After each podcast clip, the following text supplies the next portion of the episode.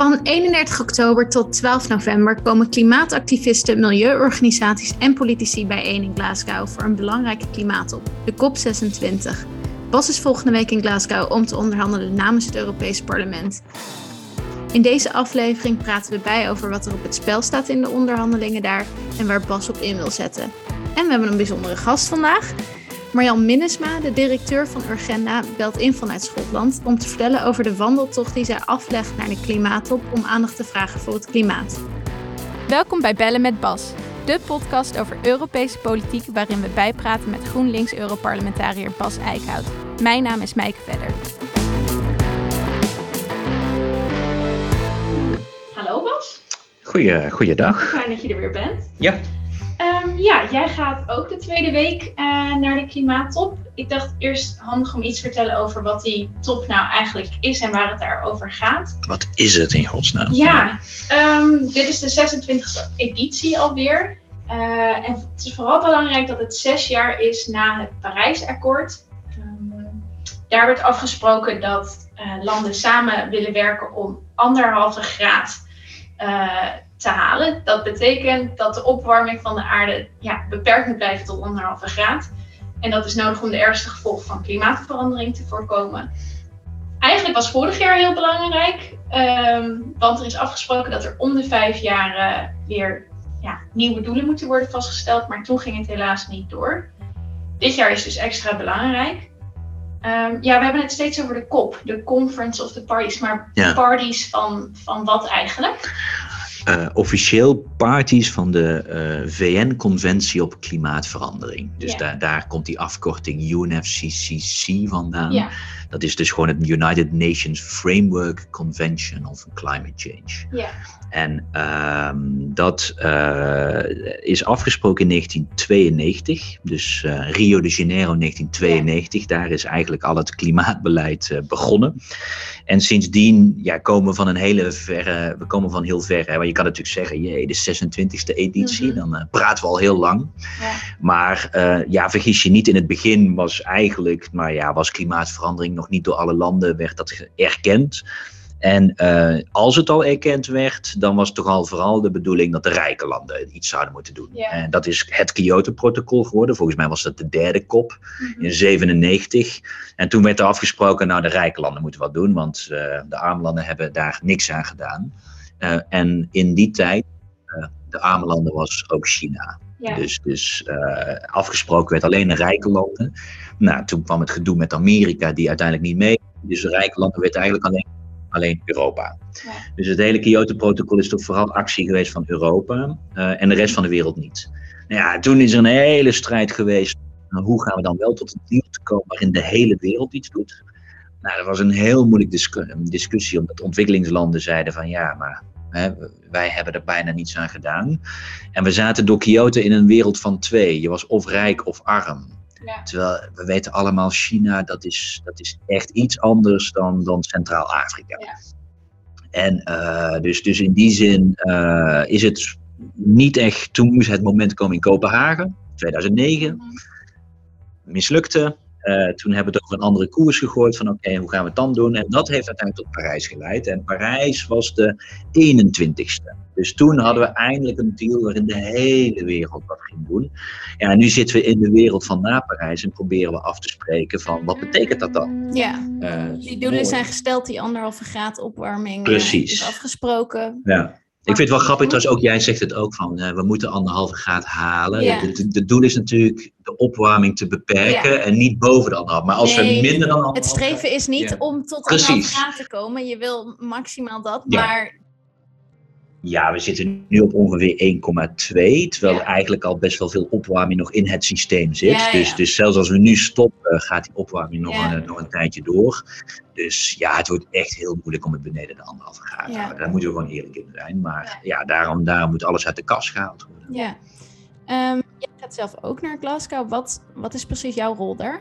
Ik uh, ga samen met de delegatie van het Europees Parlement. Hè, nou ja, parlementariërs uh, onderhandelen niet. Hè, zijn geen, uh, ze zijn niet regeringsleiders. Uh, dus de, in principe, hè, de Verenigde Naties is georganiseerd rondom de landen. Mm de Europese Unie is ook een uh, party. Dus yeah. Conference of Parties, een van de parties is ook de Europese Unie. Maar dan is het de commissie die daar, de Europese Commissie die namens de EU onderhandelt. Mm Dus daar zitten alle landen, alle, alle, of de Europese Commissie. En ik als Europarlementariër controleer vooral okay. wat doen de Europese regeringsleiders, de Europese Commissie. Dus ik controleer ja. eigenlijk daar. Frans Timmermans eigenlijk daar in, in Glasgow. Ja. Maar goed, uh, dat is dus je formele rol. Je hebt natuurlijk ook gewoon een rol om uh, ervoor te zorgen dat je spreekt met andere onderhandelaars. Dus wij spreken heel vaak ook met de Chinese delegatie, de Russische delegatie. En vaak heel moeilijk de Amerikaanse delegatie, zeker de afgelopen, ja. de afgelopen jaren. Um, dus, dus die spreek je. Ik wil ook een beetje horen wat gaat er, wat gebeurt er in Europa. Wij zeggen ook heel vaak tegen de Europese Commissie: gebruik ons. Hè, want wij kunnen ook ja, soms iets uh, minder diplomatiek zeggen dan wat Frans Timmermans natuurlijk niet zomaar kan zeggen. Ja. Dus uh, nou ja, dat is een beetje de rol. Dus formeel controleren van de commissie. Ja, het informele deel is dus ook vrij uh, ja. groot. Dus dat is vooral ja, diplomatiek achter de schermen gewoon met allemaal mensen praten over wat, wat hun inzet is. Plus, en dat is natuurlijk ook wel interessant, dat, dat realiseren mensen zich heel vaak niet, maar zo'n klimaattop is ook het moment dat iedereen die met klimaat bezig is, komt daar bij elkaar. Ja. En uh, bijvoorbeeld ook alle milieuministers van de EU die spreek ik ook niet elke dag. Nee, nee, nee. Het is een bijzondere kans om allemaal mensen Precies. te treffen die jij ook niet uh, dagelijks Dus we gaan, het ook over het, we gaan het ook over het Europese klimaatbeleid ja, ja. hebben. Want ja. ja. daar zitten alle, alle landen van de EU lopen daar ook rond. Dus, dus dit, dit is ook een moment om daarover te hebben. Dus, dus zo'n zo'n klimaattop is wel echt een moment waarin eigenlijk iedereen die iets met klimaat wil, uh, ja, uh, spreekt elkaar. Ja.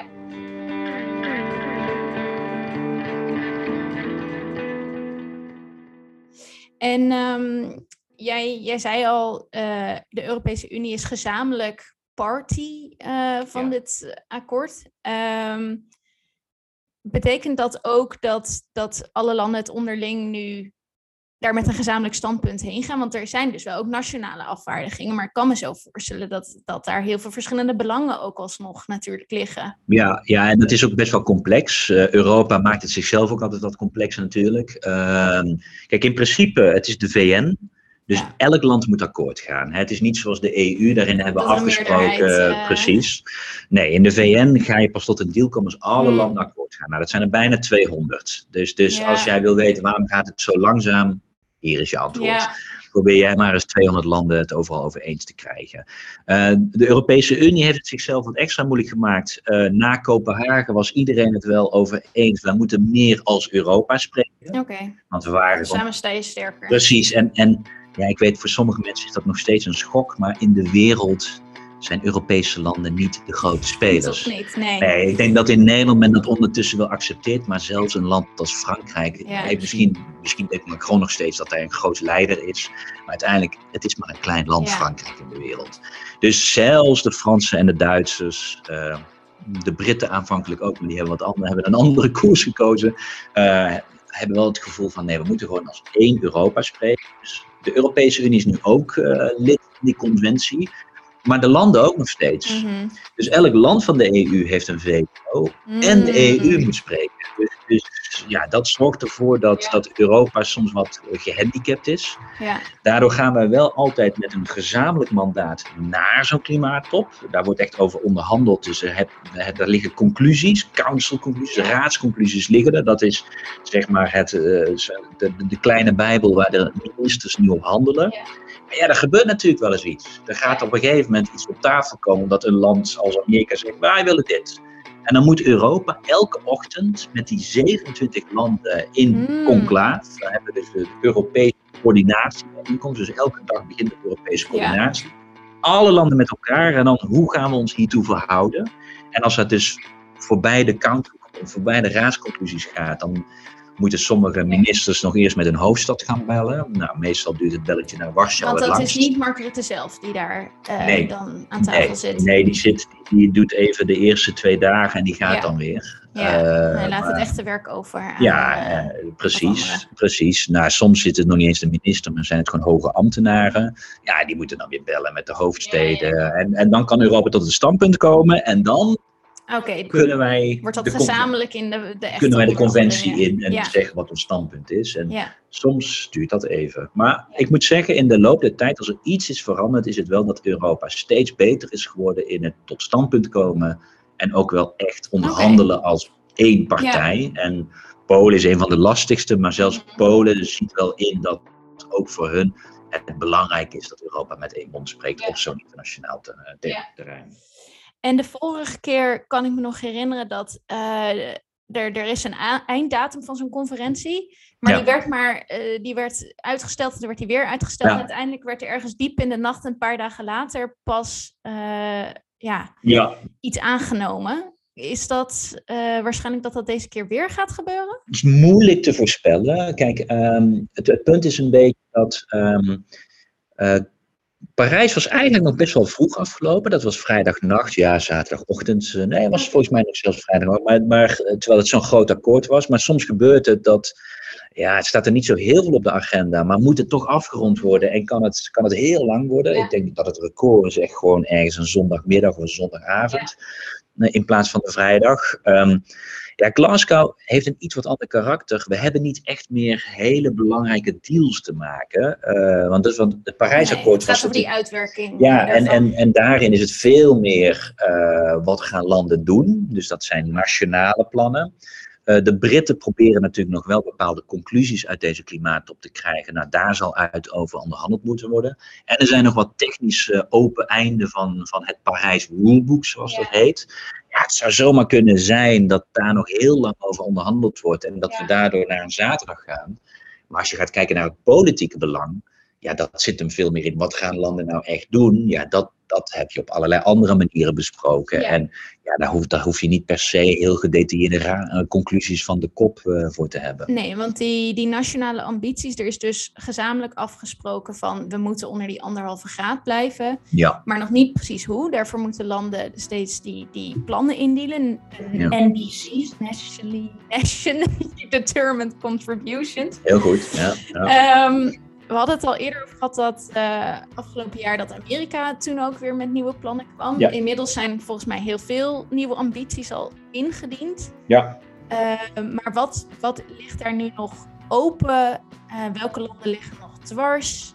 Ja, ja kijk, de- in de VN is elk land even belangrijk. ja. Maar wij weten dat voor het klimaat het iets belangrijker is eh, wat China doet dan Ja. wat Tanzania doet. Ja. Ik bedoel, niks tegen Tanzania, het is een mooi land, maar ja. Ja, eh, die hebben dat- gewoon een minder grote uitstoot. Precies, dus als zij met een geüpdate NDC komen, vinden we prachtig. En je ziet ook, je moet eigenlijk op Twitter, moet je de, ba- de, de, degene die de klimaatconventie eh, leidt, dat is mevrouw Espinoza, Mhm. die twittert braaf bij elke nieuwe Ah, NDC. Oh, thank you, eh, thank you Ecuador for your new NDC. Terwijl je denkt, ja. dat- Mensen dat- zitten toch iets meer te wachten op Precies. bepaalde plannen dan op Ja. andere. Nou ja, Amerika heeft inderdaad in principe haar beloftes op tafel gelegd. Maar eh, Biden hoopt natuurlijk wel naar Glasgow te kunnen met een, met een deal met het congres. Ja, Want ja, plannen is één iets, maar dat omzetten hij in moet wet. dat daar ook nog eh, steun voor Hij moet er krijgen. geld voor krijgen. Nou ja, nou, dat is hij dus nu aan het doen. As we speak is hij dat aan het onderhandelen met zijn Ja. congres.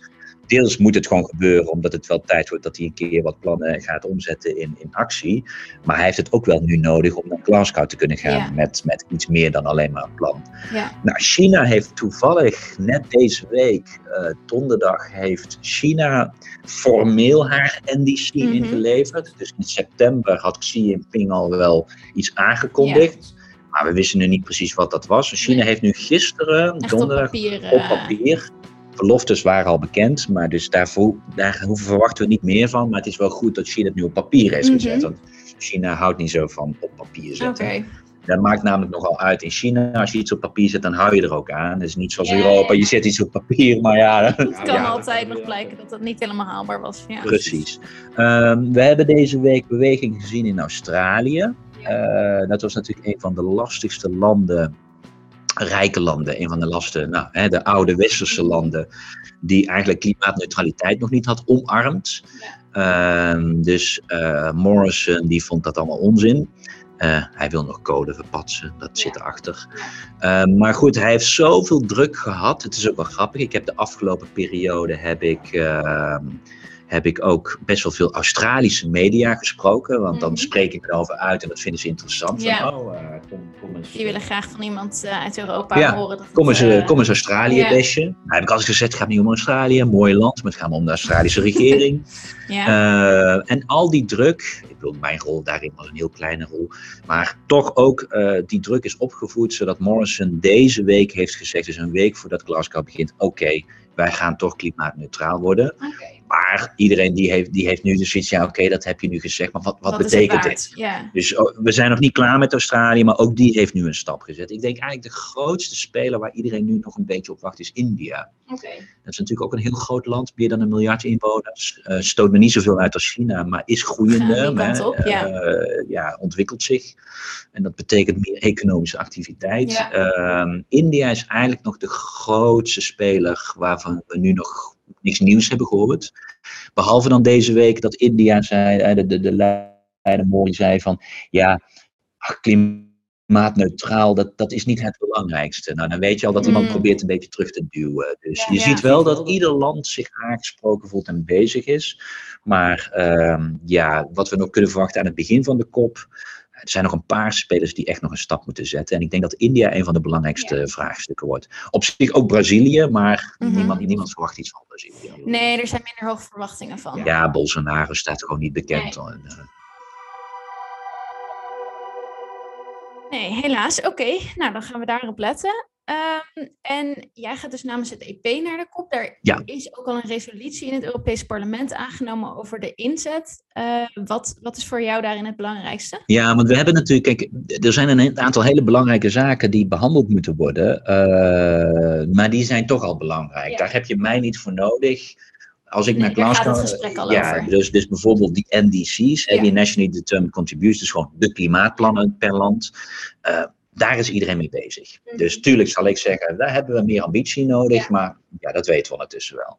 Ehm, er zal nog een hele belangrijke discussie, ga- discussie gaan over financiën, klimaatfinanciën. Hè, de, de befaamde 100 miljard dollar Ja. die de rijke landen hebben beloofd. Al in 2009, als er één iets dat uit Kopenhagen komt, is het die Er is 100 toch iets miljard. afgesproken? Ja, dat is die 100 miljard dollar.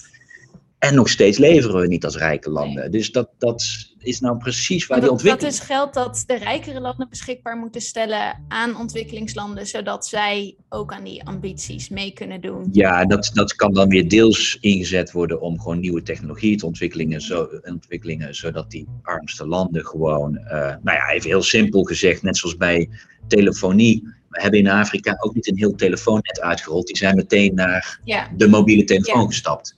Nou, dat kan zodat ook. ze sneller naar duurzame energie eh, Bijvoorbeeld op energiegebied zou ik ze afraden om eerst een hele fossiele infrastructuur op te bouwen, om dan naar duurzaam te gaan. bouwen. Ja, Maar goed, daar is geld voor nodig. Dus Ja. daar deels voor. En deels is het voor adaptatie. Hè, dus om aan te passen. Zij hebben al last van klimaat. Nou, daar, daar is ook geld voor nodig. En zij zeggen van, oké, we hebben nu allemaal een deal afgesproken. waarin ook zelfs de kleinste landen een, met een klimaatplan komen. Maar de, de tegenbod van de rijke landen was, we gaan nu allemaal iets doen na, Ja. hè, na Kyoto. Maar de tegenbod is, wij bieden jullie jaarlijks 100 miljard dollar. Ja, we leveren te weinig. ja. Dus Dus dan dan kun je het- niet na die belofte. ja, dan kan, kun je natuurlijk zeggen van, die mensen zitten altijd te zeuren over geld. Maar we hebben het beloofd. Ja, En het gaat ook om geloofwaardigheid. Als wij zeggen klimaatbeleid is belangrijk en vervolgens komen wij deze belofte niet na, dan ondermijnen wij zelf ook wel een succes Ja. van de klimaattop. Dus dat zal ook een heel belangrijk thema worden. En, maar ook daar ben ik waarschijnlijk niet echt voor nodig. Ehm, wat je probeert als Europarlementariër, zeker als GroenLinks-Europarlementariër, is natuurlijk thema's op de kaart te zetten ja. die groot gaan worden. En mijn focus zal zijn op de fossiele subsidies Mhm. Het uitfaseren daarvan. Het is ook beloofd in het Parijsakkoord. Hè, dat, dat, ja, er staat gewoon in een artikel in het Parijsakkoord waarin wij hebben gezegd van wij gaan onze financiële stromen, dus een heel breed, al ja, dat kan echt heel veel dat betekenen. is eigenlijk alles. Hè. We Ja. gaan het geld gewoon in lijn brengen met Parijs. Ja, en dat is nog niet zo. Ja, ja, dat is dus, eh, ja, als, als, als je dan de organisaties hoort als het Internationaal Energieagentschap, Mhm. ja, betekent gewoon stoppen met fossiele subsidies. Ja, En dat doen we, wij betalen ook als Europa, ook de wereld, maar ook Europa, daar hebben we het niet over. En zelfs nu in Europa is er een discussie over dat wij misschien investeringen in gas als groen gaan bestempelen. ja. ja, dat gaat keihard tegen, tegen Parijs in. Dus, dus op een aantal fronten kan Europa zeggen, we doen best wel goed. Hè? We hebben een verhoogd klimaatdoel. Qua klimaatfinanciering voor de ontwikkelingslanden, nou, we moeten iets meer nog doen dan we beloofd hebben. Maar het grote gat zit echt bij de VS. Uh, die moet meer dan 40 miljard eigenlijk jaarlijks ophoesten. Nou, Biden heeft een verdubbeling beloofd, waardoor het op 15 komt. En dat moet hij nu nog door het congres krijgen. Dus, dus daar zit echt een probleem meer bij Amerika dan Europa. Maar ook bij fossiele subsidies heeft echt ook Europa nog wat te doen. Ja, dus ja, is het mijn taak om dat ook op de agenda te zetten. Zijn dat dan uh, alleen publieke subsidies? Dus dat als Nederland inderdaad bijvoorbeeld uh, uh, nog geld stopt in uh, gasboring in Groningen? Of gaat het ook over uh, private investeringen? Dus investeringen van banken in kolenmijnen bijvoorbeeld? Beide. Ja. beide. Kijk, in principe als de lidstaten of de parties hebben afgekondigd... wij gaan onze financiële stromen ja. in lijn brengen dan heb je het eigenlijk in mijn interpretatie over al ons geld, ja. maar in ieder geval over het publiek geld. Dus we moeten het in ieder geval hebben over publieke subsidies. Dat is misschien ook makkelijker om. Uh... Nou ja, dat, moet, dat heb je in ieder geval als overheid zelf ja. in de hand. Ja. Dus, dus uh, dat, en, en dat is, subsidies is ook breed gedefinieerd. Hè? De OESO doet daar analyses over. Ja, ja bijvoorbeeld uh, vrijstellingen van energiebelasting is de facto ook, ook een, een fossiele subsidie. Ja, als je dat een doet. voordeel die zij daarmee Precies. krijgen. Dus, dus op vele momenten, maar dat is gewoon beleid dat aangepast moet worden. Maar deze discussie gaat hem natuurlijk ook naar private partijen. En bijvoorbeeld dat we deze week hebben gezien dat ABP, het grootste pensioenfonds ja. van Nederland, uh, zelfs bijna van de wereld, hè, dat die nu heeft gezegd, wij stappen uit fossiel. Dat doen zij natuurlijk niet per ongeluk deze week. Nee. Dat zij een week voor Glasgow dit zeggen, laat ook zien dat deze discussie ja, dat ook in de private is. sector speelt. Alleen daar kun je als overheid iets moeilijker, nou ja, je kan natuurlijk een verbod gaan afspreken. Uh, maar wij proberen dat, en dat is die discussie over die taxonomie, dat wij proberen te gaan definiëren wat is groen. En daar zou je eigenlijk naartoe moeten. Nou, dan moet je wel zorgen dat daar niet fossiel in komt. Nee, dat je in ieder geval wat je groene investeringen noemt, dat dat ook echt groene investeringen Precies, zijn. Precies, ja. ja. Nou, en, en dat is dan weer een politieke discussie, ja. wat weer een effect zal hebben op private investeerders later. Dus, dus zo, ja, publiek-privaat, dat is, dat, ja, dat is natuurlijk een wereld die in elkaar overloopt. Uh, en, en die discussie, ja, die proberen wij wel veel meer vooraan te zetten, ook in Glasgow. Oké, okay. uh, dus voor jou, jij gaat vooral focussen op het geld? Dat... Ja, ja, ja, het klinkt een beetje banaal, maar ja, ook als je gaat kijken, daar hebben we het ook vaak over gehad in de Green Deal. Ja, je kan normen afspreken, je kan, je kan beleid kun je op een bepaalde manier vormgeven, maar uiteindelijk moet het geld ook de goede ja. kant op gaan. Geld ja. is gewoon belangrijk, of we het nou leuk vinden of niet, maar uiteindelijk kun je daar ook een hele hoop mee doen en moet je daar een hele hoop mee doen. En moet je het in ieder geval niet verkeerd investeren en dat doen we nog steeds. Oké, okay. Duidelijk. Dan gaan we uh, zo naar Marjan bellen. En bellen met Marjan moet ik, ja, ja. wat zij ervan vindt. We moeten nog naar een alliteratie zoeken. Nou, hartelijk welkom Marjan. Goeiedag. fijn dat je aan onze podcast mee wilt doen. Je hebt pas al gesproken, die was de gast in jouw podcast. Um, jullie waren toen nog in Nederland. Want jij bent vanuit Groningen onderweg naar Glasgow. Ja, ik ben uh, inmiddels bijna in Glasgow. We komen vanmiddag aan. Dus dan hebben we er ruim ja. 500 kilometer op zitten. Ja, jeetje. Hoe, hoe is het de afgelopen week geweest? Kan je nog een beetje lopen? Ja, dat gaat wel goed. Al was het deze week wel het natste. Want in Nederland heb ik maar een paar keer ja. een uurtje regenjas aangehad. En hier toch wel vaker. Ik loop op dit moment ook echt te soppen in mijn schoenen. dus het is goed ja. dat ik vanmiddag even Jeetje. kan drogen. Ja, het is fijn dat jullie er bijna zijn. Um, ja, even ter achtergrond. Jij bent directeur van Urgenda. Jullie hebben uh, de klimaatzaken in Nederland gewonnen. Um, wat willen jullie nu precies met de Climate Miles bereiken? Nou, we lopen natuurlijk naar Glasgow omdat daar de Conference of the Parties is van het klimaatverdrag. Ja. En we hebben in Parijs afgesproken dat we onder de anderhalve graad opwarming willen blijven. Dat halen we totaal mm-hmm. niet. De wereld heeft gewoon nee. elk jaar meer uitgestoten. Dus wij willen, uh, de motto is ook let's accelerate. Dus het moet allemaal veel sneller. Op dit moment liggen we totaal niet op koers. En Nederland al helemaal niet. Want we hebben gisteren ook weer uh, van het Planbureau voor de Leefomgeving uh, jaarlijkse update gehad. Nou, daar staat in dat ze zelfs in 2025 nog niet ons eigen vonnis halen van min 25. Ja. En dat, terwijl ze 55% willen doen in 2030. Nou, dat is echt uh, onmogelijk. Dus het moet allemaal veel sneller. Alle landen in de wereld moeten veel meer actie ondernemen. Niet meer alleen maar praten en mooie doelen stellen en niet halen. Maar ook doen. Ja, duidelijk. Ehm, jij hebt ook met heel veel mensen gepraat de afgelopen weken tijdens die wandeltocht. Uh, zijn er bepaalde dingen die, die jij hebt geleerd en denkt van, oh, dat, dat zijn bijzondere dingen die ik ja, echt mee wil nemen naar Glasgow? Nou, ik zie aan de ene kant dat uh, heel veel mensen steeds meer ongerust zijn geworden. Dus er is veel meer, uh, ook wel een vorm van wanhoop. En daarom lopen die mensen mee, omdat dat ze hoop geeft. Omdat ze al met veel gelijkgestemden zijn. En... Ja. Oh, je valt even weg, Marjan. Verbinding met Glasgow. Oh. Nou, je bent weer terug. Ja, er was iets. Iemand probeerde mij te bellen, denk ik. Um, dus uh, heel veel mensen lopen mee om, om hoop te krijgen. Maar de wanhoop is ook veel groter dan zes jaar geleden of langer nog geleden. Dus ik merk wel dat mensen ook echt zitten te wachten op leiders die wat gaan doen.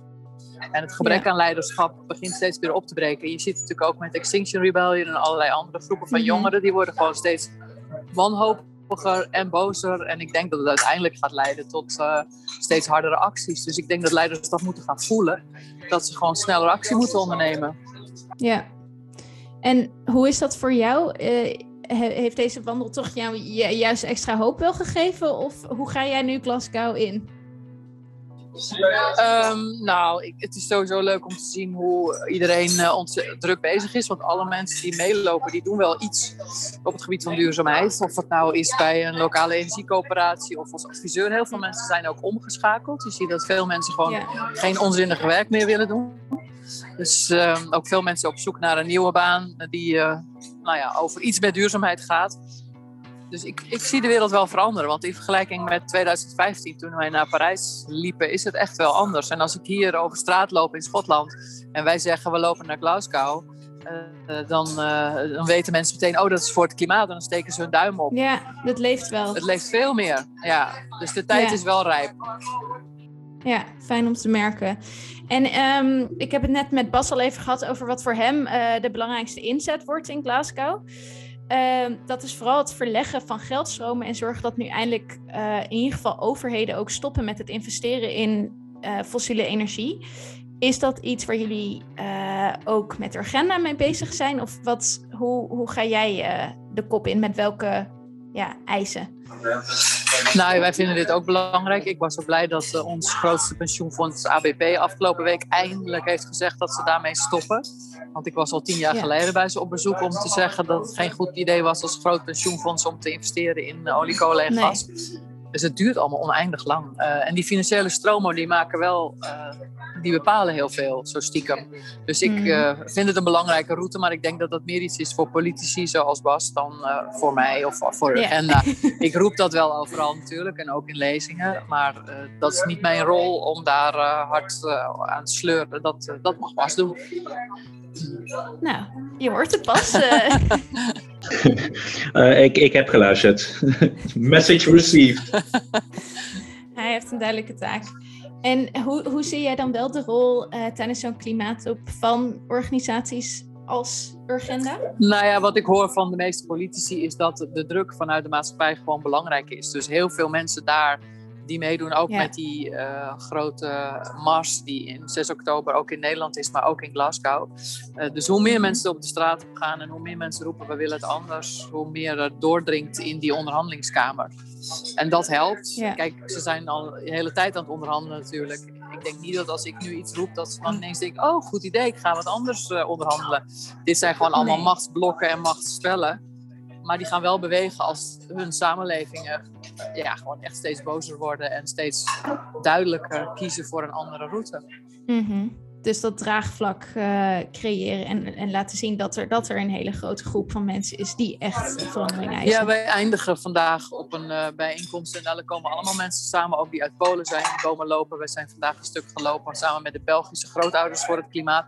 Dus er zijn ontzettend veel mensen op weg naar Glasgow. Ja, En die komen er allemaal samen. En dat geeft ook een beeld van, nou, de, de, he- heel Europa kijkt naar jullie. Uh, het moet gewoon meer en beter. ja, ja. Dat zijn eh, hele duidelijke woorden. Ik vroeg me ook nog af, ehm, jullie hebben natuurlijk die, die zaak gewonnen in Nederland. Ehm, de Urgenda, de, klimaatzaak.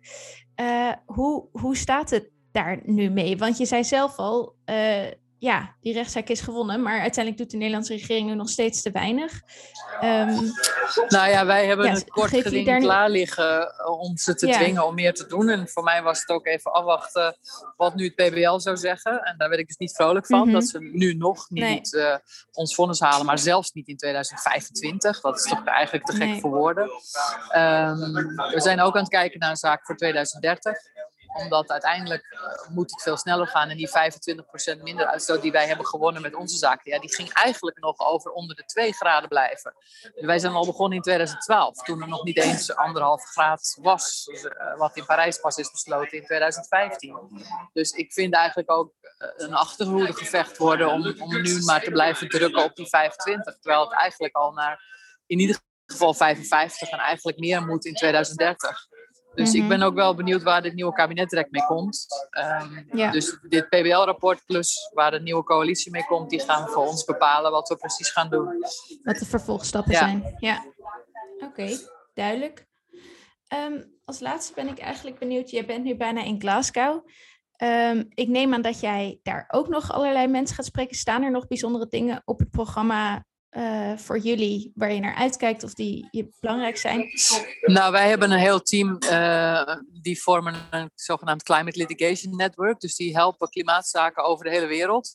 En die komen hier wel allemaal samen. Dus het hele Climate Litigation team van ons uh, is hier direct. En die hebben allemaal side events met andere mensen die ook bezig zijn met klimaatzaken. We hebben net afgelopen week klimaatzaken in Australië gelanceerd, waar we heel veel tijd in hebben gestopt. Uh, wij hebben met de meeste andere zaken in Europa ook wel uh, geholpen in meer of in mindere mate. Hm. Dus uh, het is leuk om elkaar na zoveel tijd weer een keer te zien. Want tot nu toe was het alleen maar zoomen en bellen en mailen. Ja. dus dat is een belangrijk. Ik denk ook naast de straat opgaan dat die klimaatzaken een van de twee belangrijkste strategieën zijn om overheden te dwingen om te versnellen. Want blijkbaar luisteren ze niet gewoon naar de wetenschap of naar de reden. Dus dan moet het maar nee, via het Jammer dat het nodig is, maar als het werkt, dan uh, ja, het is, is het jammer dat het nodig is. om toch je doel te bereiken. Precies. Ja. Oké. Okay. Um, Pas, heb jij nog uh, brandende vragen aan Marjan? Je, je bent zelf als gast ook geweest bij Marjan in de podcast. Jullie hebben al uitgebreid ook over de kop gehad. Nee, volgens wat ik ook vooral zie is dat hoe druk Marjan het continu heeft met allemaal spreken daar en bellen. Dus volgens mij lijkt het me gewoon goed dat jij weer even wat verder kan drogen. En, uh, en, en verder gewoon echt heel erg bedankt voor wat je doet. En, uh, en, en, absoluut, uh, het motiveert ook mij weer als politicus om die stappen te zetten waar jij voor vecht. Dus ik zou zeggen, ongelooflijk bedankt en succes met de laatste loodjes. Dankjewel. Ja, we moeten nog een kilometer of 15, denk ik. En dan zijn we er. Dus uh, nog een laatste stukje regen. Nou. en uh, heel veel ja, succes. Ik hoop dat de zon toch even gaat schijnen. Ja, dat hoop ik ook. yes. Dankjewel. Nee, Tot ziens. Dankjewel. Hè. Doei. Doei. We hebben van verschillende kanten gehoord. Dus naast eigenlijk die onderhandeling die er plaatsvindt, zal de kop ook heel belangrijk zijn voor mensen om daar bij elkaar te komen. Zoals jij zei, om achter de schermen ja, ik denk dat we dat vaak onderschatten. Hè. Kijk, er is natuurlijk gewoon een, een uh, officieel onderhandelingsplatform, wat ook al goed is. Uh, maar ja, dit is ook echt het moment en eigenlijk een heel goed voorbeeld wat Marjan net zegt. Hè. Die, die is heel erg met die klimaatzaken bezig. Ja, die komen ook naar Glasgow uh, en, en zo spreken die elkaar ook. En en ik weet, we hebben altijd een hele lange discussie over, hè, zijn die klimaatzaken nou, moet dat ja of nee? Uh, Gaat de rechter op de stoel van een politicus zitten? Uh, nee, het is precies zoals Marjan zegt. Politici hebben allerlei beloftes gedaan. Ja. En die beloftes, uh, ja, de rechter checkt gewoon van of politici die iets hebben beloofd, iets hebben vastgelegd, die ja. verdragen, bedoel, ja, of ze eraan houden. En bijvoorbeeld ook alleen al dat Parijsakkoord, uh, en dat is ook terecht wat Marjan zei, die, die van 25% dat was nog om de 2 graden doelstelling te halen. En de wetenschap heeft toen gezegd van nou, dan moet een land als Nederland in 2020 verminderen 25 tot 40 procent. Ja. Dus de rechter heeft gezegd, nou dan moet je in ieder geval die 25%. Maar dat was van de wetenschap, die werkt met bandbreedtes natuurlijk, hè, want er zitten onzekerheden. Dat is het minimale wat Ja, de rechter gaat niet op de stoel zitten van, nou je moet meer zekerheid en zo precies moet je het gaan doen, dat wordt ook niet maar gezegd. De, de, de, rechter kijkt gewoon naar, oké, de wetenschap zegt voor die 2 graden heb je een bandbreedte 25 tot 40. Nou, als jij dat belooft, dan moet je in ieder geval die onderste grens halen. Mhm. Dus dit was voor 2020 de ondergrens van 2 graden. Ja. Nou, dat geeft een beetje aan waar we staan. En, en, in die zin, ja, politici uh, lijken de rechtspraak nodig te hebben om stappen te zetten. Ja. Tenzij, ze kunnen natuurlijk ook zeggen, het klimaat interesseert ons niet. En daar gaan we niet aan doen. Maar dan, dan, hè, dan hebben we een andere discussie. Want nu denken mensen altijd dat iedereen klimaat belangrijk vindt. En dat hoor je natuurlijk wel heel vaak ook in debatten. Ja, was het maar zo. Maar was het maar zo. Ja, dat is echt niet zo. En dat is denk ik nog steeds mensen, uh, heel veel politici praten over klimaat, maar menen het niet echt. Nee. En ja, de grote vraag is, en ik denk dat dat Marjan Minnesma terecht zei, die gaan dus afwachten voor het vervolg op een nieuwe akkoord van het nieuwe kabinet. Ja, dit is wel een beetje de laatste kans voor Mark Rutte om te tonen dat hij echt begaan is met het klimaat. Tot nu toe hebben we dat nog niet gezien. Nee. Nou, ik, ik ben heel benieuwd. Hij is ook uh, dus aankomende week in Glasgow, Mark Rutte. Ja, de eerste paar eh, dagen. Ja, wat hij daar uh, gaat zeggen. En daarna begint natuurlijk het echte onderhandelen. Ja. daar zul jij ook bij zijn. Um, aankomende maandag, nee niet aankomende, maar de maandag daarna ga jij ook nog live in gesprek op YouTube met Laurie van der Burg. Zij is klimaatcampaigner en is zelf ook in Glasgow. Zij werkt specifiek op het, ook het verleggen van die geldstromen. 8 november. Ja, 8 november. Ja dan ga je met haar. Ja, en eh, Marjan zei, maar dat, dat, is natuurlijk zo druk. En als ze zei, de, de klimaatmars ja. is 6 november, niet 6 oktober. Niet oktober, dat is al geweest. Ja, maar zaterdag 6 november. Ja, daar ben jij eerst nog bij? Ja, allemaal naar Amsterdam op de zaterdag. En dan ga ik zondag met de trein. En dan maandag ben ik in Glasgow. Ja, uh, en voor dat gesprek dus met Laurie van den Burg kan je je nog ook opgeven uh, om mee te luisteren en mee te praten. Um, die link staat op europa.groenlinks.nl. En uh, ja, je moet jouw Twitter denk ik gewoon in de gaten gaan houden. Uh, om te horen wat er verder allemaal er op de kop gebeurt. Ja, en we gaan bloggen, dus, dus op ja. de website. Dus, uh, de, we, we gaan gewoon proberen zoveel mogelijk ja, op de hoogte te houden wat gebeurt er nou in Glasgow. Ja. En, uh, want uh, dat klinkt dat het, ja, het klinkt mysterieus, maar het is echt, uh, dat is ook een klimaattoppen. Dat zijn de ja. meest afgrijzelijkste conferentieoorden waar je gewoon dagenlang zit opgesloten. het is geen klacht, maar nee. het is ook wel onduidelijk. Maar het is, het is echt minder. Het is niet heel glamorous. Het is minder glamorous dan het klinkt, ja. maar het is gewoon super belangrijk. Dus we proberen dat gewoon zo goed mogelijk de, indrukken, ja, de indrukken door te geven. Oké, okay. nou en dan praten wij denk ik weer verder na de kop ook over uh, wat er uiteindelijk is besloten. Ja, dan, uh, want, want het gaat met Glasgow niet afgelopen zijn, dat is nee, duidelijk. Nee, nee, het gaat door. Oké, okay, dankjewel weer uh, voor vandaag Bas. Graag gedaan.